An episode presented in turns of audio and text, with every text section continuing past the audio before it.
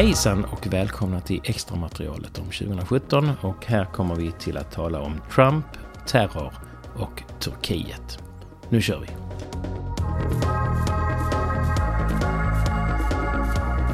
Yes, eh, 21 januari då, dagen efter eh, Donald Trumps tillträde så eh, hålls det någonting som kallas för Women's March on Washington. Women's March on Washington hålls efter att då, då han har tillträtt. Det är 500 000 människor som protesterar i Washington, alltså i stan Washington. Mm. Det är den stör, de största protesterna sedan Vietnamkriget, alltså Vietnamkrigsprotesterna. Och eh, det är tre gånger så många som var med på Trumps installation, även om han ju säger mm. att det är det största eventet som någonsin ja, ja. har hänt i hela världshistorien. Det är 4,6 miljoner runt om i USA totalt sett och det är 5 miljoner runt om i världen. Och det är massa kändisar där. Det är Pink, det är Barbara Streisand, det är Rihanna, det är Scarlett Johansson, det är Jane Fonda, Christina Aguilera och Robert De Niro som är med på Women's March on Washington. Men, ja, det... Oh. Det här är ju jättesvårt för de demonstrerar mot att den demokratiska processen har gjort att Donald Trump har blivit president. Ja, de här tillhör ju den delen av den amerika amerikanska befolkningen som inte är utvecklingsstörd. Som liksom förstår att vi kan inte rösta på eh, någon som liksom är Ja, ja, Precis men, allt det man inte vill ha i politiken. Även men, om de tror att det man inte vill ha i politiken är det man redan har i mm. politiken så röstar man istället på någonting som man verkligen inte vill ha i politiken. För mm. man kan ju inte lita på det mer längre än man kan kasta det. Uh, ja. ja. Uh, och vi var ju inne på det i förra avsnittet att han blev avskedad ifrån, uh, vad var det? MBS ja. eller vad det var. Nej, det var någon, någon TV-kanal. TV för att han hade, hade fällt eh, rasistiska och sexistiska kommentarer. Och det här är ju, den här Women's March on, eh, on Washington, den hade ju rätt mycket med att göra mm. med hans extremt misogyna eh, sätt att hantera ja. kvinnor. Det här grab them by the pussy. Och... Ja, ja, ja, fruktansvärt. Men där är någon eh, inspelning när han är utanför en buss. Ja, det är och, den. Grab, och gra ja. Just grab them by the pussy ja. Så, ja. så är det klart. Liksom. Fruktansvärt. Det är verkligen tioårsnivå på den diskussionen. Eh, Mars. Så då, eh, då, då går vi till nästa profil. För då, Aha. då den 11 mars så eh, hårdnar tonläget mellan Turkiet och flera EU-länder. Eh, Nederländernas ambassad i Ankara spärras av och ambassadör, ambassadören förklaras persona non grata, det vill säga han måste mm. lämna. Eh, och det är då ett svar på Nederländernas skarpa reaktion på att Turkiets president Erdogan har kallat Holland, eller Nederländerna, för fascister, fascister och efterföljare till nazister. Oj. Eh, eller efterföljare till nazisterna. Det, och jag tänker väldigt vad de här fascistoida eh, envåldshärskarna är glada för att kalla alla sina motståndare för nazister. Ja, ja. För det gör Putin, det gör Erdogan, det är mm. alltså... Och de är ju, det är ju de som är som de, för de är ganska högerextrema och, och sen ja. så är de envåldshärskare. Så de är ju... Och, och den här Erdogan är alltså en uh, huvudperson i, i NATO? Och, ja, och sen sitter han ju helt i knät på uh, Vladimir Putin säkert. Och, och det är ju jättekonstigt att, ha, uh, att sitta i knät på Putin och vara en viktig del av NATO. Ja, fast det är ju liksom inte... De var ju med i Turkiet. Alltså Turkiet var med i NATO långt innan Ja, från 50-talet. Ja, ja, så att, och det är ju det, är av strategiska skäl. Ja. ja, jag har bommat och skrev in datumet här. Men eh, vi skiter i det. Det är i alla fall i mars. Då försvinner det svenska FN-sändebudet och genuskämpen Saida Catalan tillsammans med en amerikansk FN-kollega och fyra kongleser. När de kidnappas eh, under ett uppdrag i provinsen Kasai Central i Kongo-Kinshasa.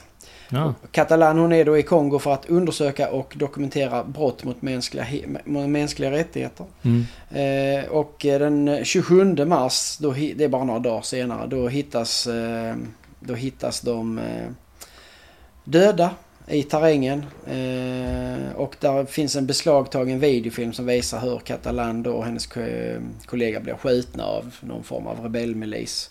Och när man hittar kroppen sen så är hennes huvud skilt mm. från kroppen. Eh, och det gör ju, ger ju jättestor... Eh, det väcker ju stort eh, både intresse och avsky i Sverige som ja. vänder sig till den kongolesiska regeringen och protesterar och det bestämdaste och de lovar att de då ska hitta gärningsmännen eh, så fort de kan. Och, ja. och hur var det för er i Mali här då? Så är det någon... Detta var inte någonting som, som liksom påverkar oss. Alltså det som är grejen med det här är ju att Catalan hon var, hon var placerad i eh, östra Kongo. Jag tror hon mm. var i Goma. Ja. Och eh, skulle jobba just mot eh, våld, alltså sexuellt våld och våld mm. mot kvinnor. Det som jag ska jobba med nu när jag mm. åker till, till Kongo igen. Och eh, här åkte hon då rakt in i Kasai som är en centralt belägen region med enorma diamantfyndigheter och därför extremt mm. mycket fiffel och båg och mycket rebellmilis. Många som försöker dra i den här handeln och där mm. åker hon in och ska spionera. Hon gör det mer eller mindre oanmäld och mm. utan att direkt ha informerat FN i övrigt också. Eh, det, det var ju till att be om det om ja. man ska vara riktigt ärlig. Den 12 maj så är det då en, en stor hackerattack som infekterar 230 000 datorer i 150 länder. Och det är då den största hackerattacken som någonsin har inträffat. Shit. Det är ju sånt här, det är ju sådana grejer, inklusive klimatet, som jag blir mest rädd över av allt. Ja, kanske inte attackerna men att vi är så sårbara. Att ja, vi, men det är ju därför jag blir rädd. Liksom. Ja. Det, mm. det räcker att slås internet ut i Sverige. Mm. Då funkar... Alltså, eller så här, då... Vi har inga pengar kvar. Nej, det går inte att gå till minuten för att några veckan. Vi kan inte betala med Swish. Vi kan inte göra någonting. Jag har inte en... Alltså förr hade ju folk liksom några tusen i soppterrinen. Ja. Jag, jag har inte haft en, en, jag har inte haft en sedel, bokstavligen. Jag har inte haft en sedel sen jag kom hem från Mali 2019. Men du får komma till mig. Jag har några undanstoppar du kan få låna. I soppterrinen. Ja, precis. Eh, sen eh, i England, vi pratade ju något år här om att Frankrike hade ett jobbigt år. Det här året har ju England ett extremt jobbigt år. Det är inte länge sedan det här är i Manchester.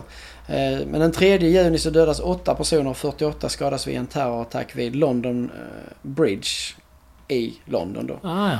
Och då är det samma precis som det här mm. dådet i Westminster eh, i mars. Då börjar attacken med att en bil bara mejar ner fotgängare på en bro där de ju inte kan komma undan.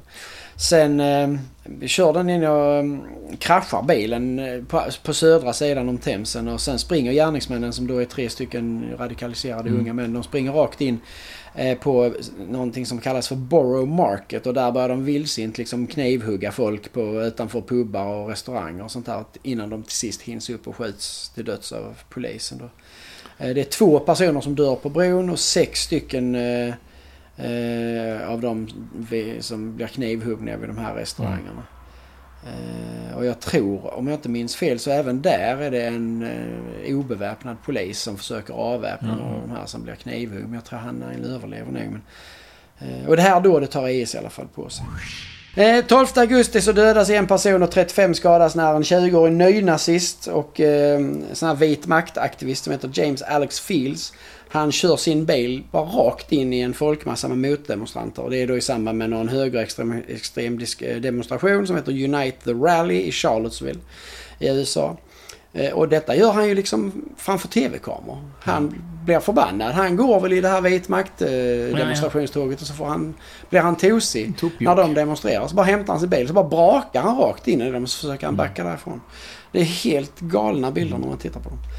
Eh, han döms i alla fall till två livstidsstraff plus 419 års fängelse för bland annat mord, grov misshandel och hatbrott. Lite oklart varför man tycker att man behöver spetsa till de här två livstidsstraffen med 419 års fängelse. Du, har, eh, du tycker inte om den? Det är ju en amerikansk modell som... Eh, som är, som är nog som, skapad av Donald Trump. Ja, troligtvis. ja. ja, du har bråkat om det här sedan 70-talet så att... ja, visst. Det är ja. totalt vansinnigt. 17 eh, augusti så är det då en 22-åring som heter Younes Abouayabkoub som kör en skåpbil. Föga förvånande in eh, på den populära paradgatan La Rambla i Barcelona och börjar meja ner fotgängare. 13 människor totalt dödas och 130 skadas. Han flyr, efter att bilen har fått stopp på bilen så flyr han till fots. Han stjäl någon bil där eh, och då knivar han ihjäl föraren. Nio timmar senare samma dag Mm. så är det en annan händelse i en annan ort lite längre bort i en stad som heter Cambril så är det fem män från samma terrorcell som den här Abdu Jakab. Då kör de på fotgängare i den här staden Cambrils. De Mm. hinner döda en kvinna och skada sex innan de skjuts eh, till döds av polis. Då. Och sen den 21 augusti, så påträffas han den här Abdu, Abdu Jakub som har lyckats fly. Eh, då påträffas han i en by cirka fem mil från Barcelona och skjuts till döds. Mm. Alltså jag vet inte hur många sådana här skåpbilspreja eller meja ner folk vi har haft och vi, alltså detta är augusti. Det är ju Mm. helt, Det verkar vara väldigt populärt. ja, det är helt sjukt alltså. Eh, och då blir ju liksom hela det här avsnittet blir ju präglat av det för det är någonting som man ändå liksom måste... Ja. Och sen så efter alla de här så sätter de upp eh, hinder för att man inte ska kunna göra det på olika gågator och sådär. Ja det Så- hjälper inte för det kommer ju fler men det... Jo, men det hindrar väl eh, det, Det på många började ställen. väl egentligen där, där vi var i förra avsnittet med i Nice. Mm. Det stämmer ja. Det är ju där som man hört talas om det första gången. Sen var det Ja. någon i Berlin och sen... Ja. Och det jag glömde säga gällande det här med Roma, eh, Rachman Ak- Akimov också, eller Akilov. Ja. var ju att detta sker ju egentligen på... Alltså det sker på samma gata, samma adress som det här misslyckade här bombdådet där det är Ja, ja, en, ja. Han en, som eh, råkade... Fick inte igång sin... Som, som, ja, som råkar Bombjacka. dra igång av sin bomb där. Det är Ja. ju, ja, så på det viset kan man ju säga att Drottninggatan Sverige är nog den enda adressen, alltså den verkligen fysiska adressen där det har varit Mm. två stycken terrordåd på samma Ja. adress.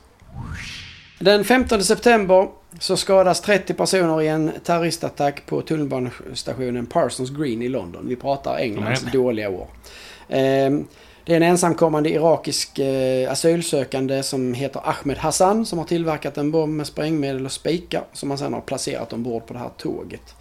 Han har tränats av IS, vilket han också har uppgett när han kommer till England. I sin asylintervju så berättar han om det. Och han uppger också i den intervjun att han klandrar England för sin faders död i Irak. Ja, men... Han döms sen till livstidsfängelse. Och det gör han efter det att rätten har bedömt att hans egentliga ålder är högre än vad, den, vad han har uppgett. Jaha. Det kan man tydligen göra där. Det har ju vi väldigt stora problem med. Vi har ju liksom Ja. haft uppenbart 42-åriga 16-åringar och, Ja. som jag har hanterat inom svensk polis. Och det har varit ett problem att man uppger en låg ålder för att det är lättare och man får det lättare om man är ung eller? Ja, då fick man ju stanna kvar. Alltså man Ja, får ja. ju ett... eh, Då, Ja. ju, då fick man ju ett uppehållstillstånd eh, eftersom man var Ja. ensam. Det är ju därför de skickar ju ut ensamkommande som lite som brohuvuden eftersom Mm. det spred sig i världen att Sverige har en frikostig anhöriginvandring. Så få dit ett brohuvud och sen kan alla Mm. komma efter. Ja. Eh, och, då var det ju väldigt mycket enklare att stanna om man var underårig.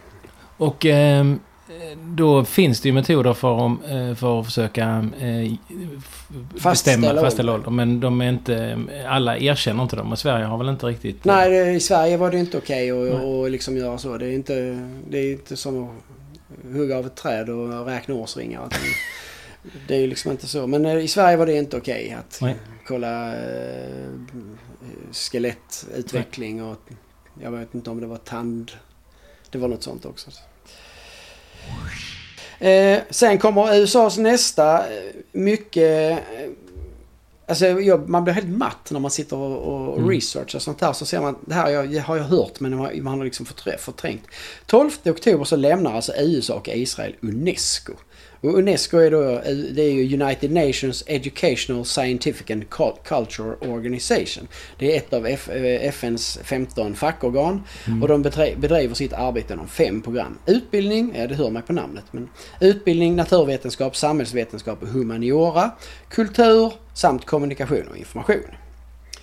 Unesco har 193 medlemsländer och 9 associerade medlemmar. Om man läser då, går in och tittar i förordet till Unescos stadgar så står det då att eftersom krigen har sitt ursprung i människornas sinnen måste försvaret av freden också byggas upp i människornas sinnen.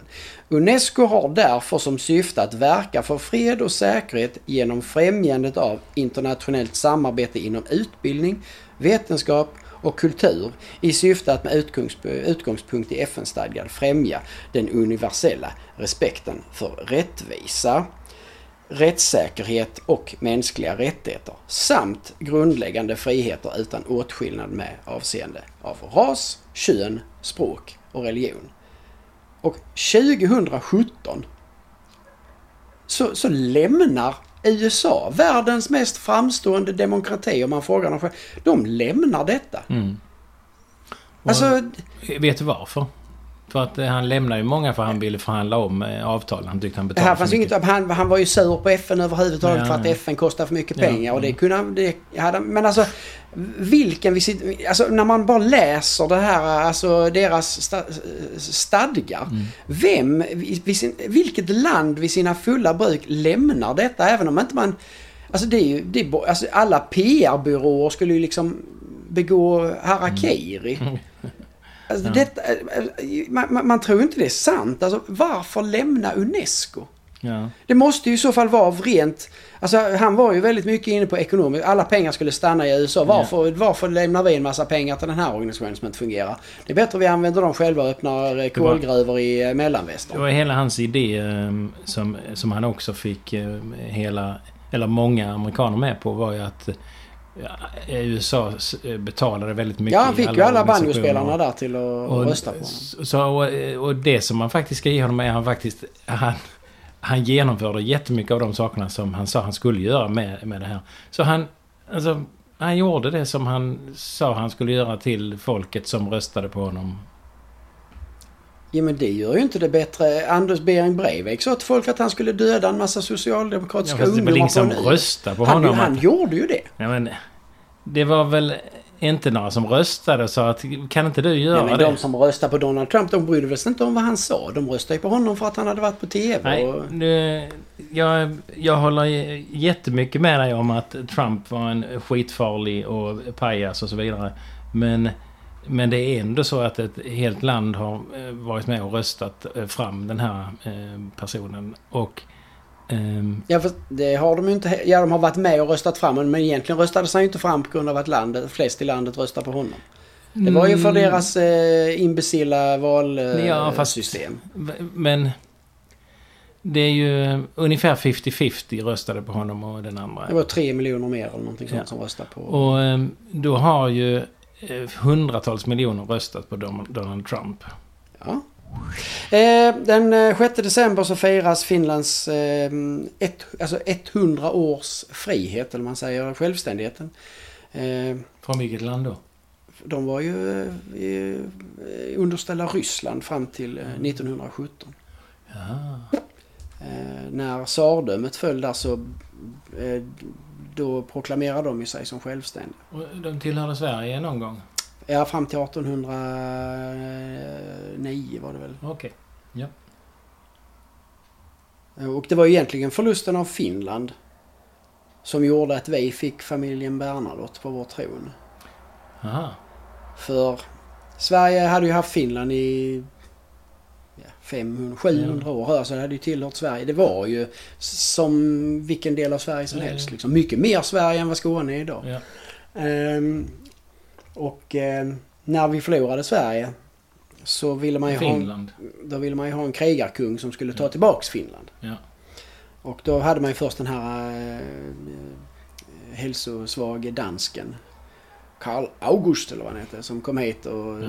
bara tvärdog i sin första militärövning. Oj, så han, Av en han, var, hjärtattack. han var på audition som kung då? Nej, han var redan utsedd och Ja, sånt men där. oj. Men sen, sen tvärdog han. Och då i alla fall så då, kom, då blev det efter diverse turer så att Jean-Baptiste Bernadotte som då var marskalk i dåtidens absolut mäktigaste armé, Napoleonarmén, franska armén. Han blev ju då eh, tillfrågad av något utsänd, ett, ett självutnämnt sändebud. Som bara re- reste ner till Frankrike och skulle sondera terrängen lite. Och plötsligt så var han på någon fest och så bara var Bernadotte att han ville bli kung i Sverige. Ja, sa han. Och sen var de, kunde de inte backa på det liksom. Han hade inte frågat regeringen. Utan plötsligt, jag har en kung här nu by the way. Men... Eh, Och då var i alla fall måls, då var ju ordern till honom var ju att eh, ta tillbaks Finland. ja. Eh, Medan han var kronprins då. Men han konstaterade ganska snabbt att Sverige kan liksom inte ta tillbaks Finland från Ryssland. Så därför gick han ju in och tog Norge istället. Aha. Som en litet tröstpris. Tröstpriset där. Men eh, det här är ju jättespännande. Men eh, Bernadotte då. Han kom från Napoleon. Så vi var på Napoleons sida. Ja, det... Ja, vi var inte... Alltså, man kan säga som så här, Gustavianerna, alltså Gustav den tredje och eh, Gustav den fjärde Adolf. Framförallt mm. Gustav den tredje, de var ju enorma frankofiler. Ja. Eh, de pratar franska vid hovet och frans, du vet allt. Alltså de var, de var enormt eh, Frankrikevänliga. De var ju förvisso inte helt nöjda med att Napoleon... Alltså de var ju för, första var, kom ju revolutionen i Frankrike som gjorde alla kungahus runt om hela Europa livrädda. Ehm, men sen stabiliserade det sig. Sen kom ju Napoleon och Napoleon, det var... Sverige hade ju fiender i Ryssland. Mm. Danmark och Ryssland var ju två jättestora fiender till, eh, till eh, Sverige. Och Danmark mm. var allierade med framförallt med England. Och Ryssland när, när, eh, när då eh, Napoleon attackerade Ryssland så blev han mm. ju automatiskt... Eh, då hade Sverige förlorat Finland bara några år tidigare. Alltså när han attackerade. 20, mm, mm. Det var väl 1812 han gick ja. på Ryssland. Och det är klart att Sverige stod på... De, det var inte så att de deltog men de stod på hans sida. Men sen när sen den här stora europeiska koalitionen mot, koalitionen mot Napoleon mm. eh, sattes samman. Då, då var ju Bernadotte med i den och slogs mot Frankrike. Ja, med. Ja, ja, ja, Så han var med och planlade och allting sånt Shit, där. Men, men eh, jag minns det som att eh, Danmark eh, så var det ju Lord Nelson som sköt ner hela danska flottan. Så de måste också ändrat sig, eh, sida. Det var ju väldigt mycket, de bytte, det var ju mycket falangbyten höger och vänster. Vi får ta det i en Om annan... Lord Nelson gjorde det var det ju säkert för att Danmark bestämde sig för att typ höja tullarna. Ja, ja. Alltså det var ju sådana här små grejer som ja. det blev elände av liksom. Ja, vi får ta en specialpodd bara om eh, Bernadottes eh, uppgång och kanske fall. Eh, vi kanske väntar tills det är ett fall. Om, eh, Sängkammarregimen, som kallades. yes. Eh, den här samma datumet då också eh, som vi sa när Finland firar sin självständighetsdag 6 december. Samma dag så erkänner, då gör ju Donald Trump ytterligare en sån här grej som han inte riktigt förstår vad är idén. Fast det finns ju en idé men den är inte jättesmart. Då erkänner han ju Jerusalem som är Israels huvudstad. Och då blir det ju genast eh, oroligheter och protester i Palestina såklart. Mm. Innan dess så har ju för att liksom gjuta lite olja på vågorna så har ju inte länderna erkänt Jerusalem som nej, huvudstad nej. för att den ska ligga kvar i Tel Aviv. För att det är ja. trots allt så att det är ju kanske bättre att, den, att Israel får svälja stoltheten och vara, och vara ja. i, stoltheten och vara i Tel Aviv än att det liksom blir Men, men varför massa gör Trump detta? Ja men det gör han ju såklart för att dels är han ju såklart, alltså den judiska påverkan på den amerikanska ekonomin och där på vem som blir vald till president och sånt där. De, den är ju ex ja, ja. extremt stor. Mm. Eh, och eh, därför är ju, har ju USA alltid liksom varit extremt extremt svaga i sin kritik när Israel har gjort några, mm. några övergrepp. Vilket de ju såklart har gjort. Mm. Då har ju USA alltid liksom ja. stått på deras Men det finns ekonomiska... Sida. Och det är ju såklart ja. ekonomiska incitament eftersom en stor del av, eh, av eh, businessen i, i USA eh, både nu och historiskt sett är ägd av judiska intressen.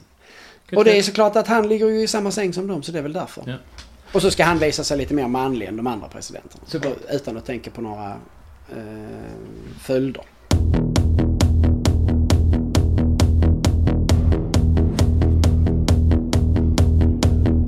Var vi färdiga för idag. Jag tackar som vanligt eh, så mycket för att ni lyssnar. Vi ses nästa gång. Hej!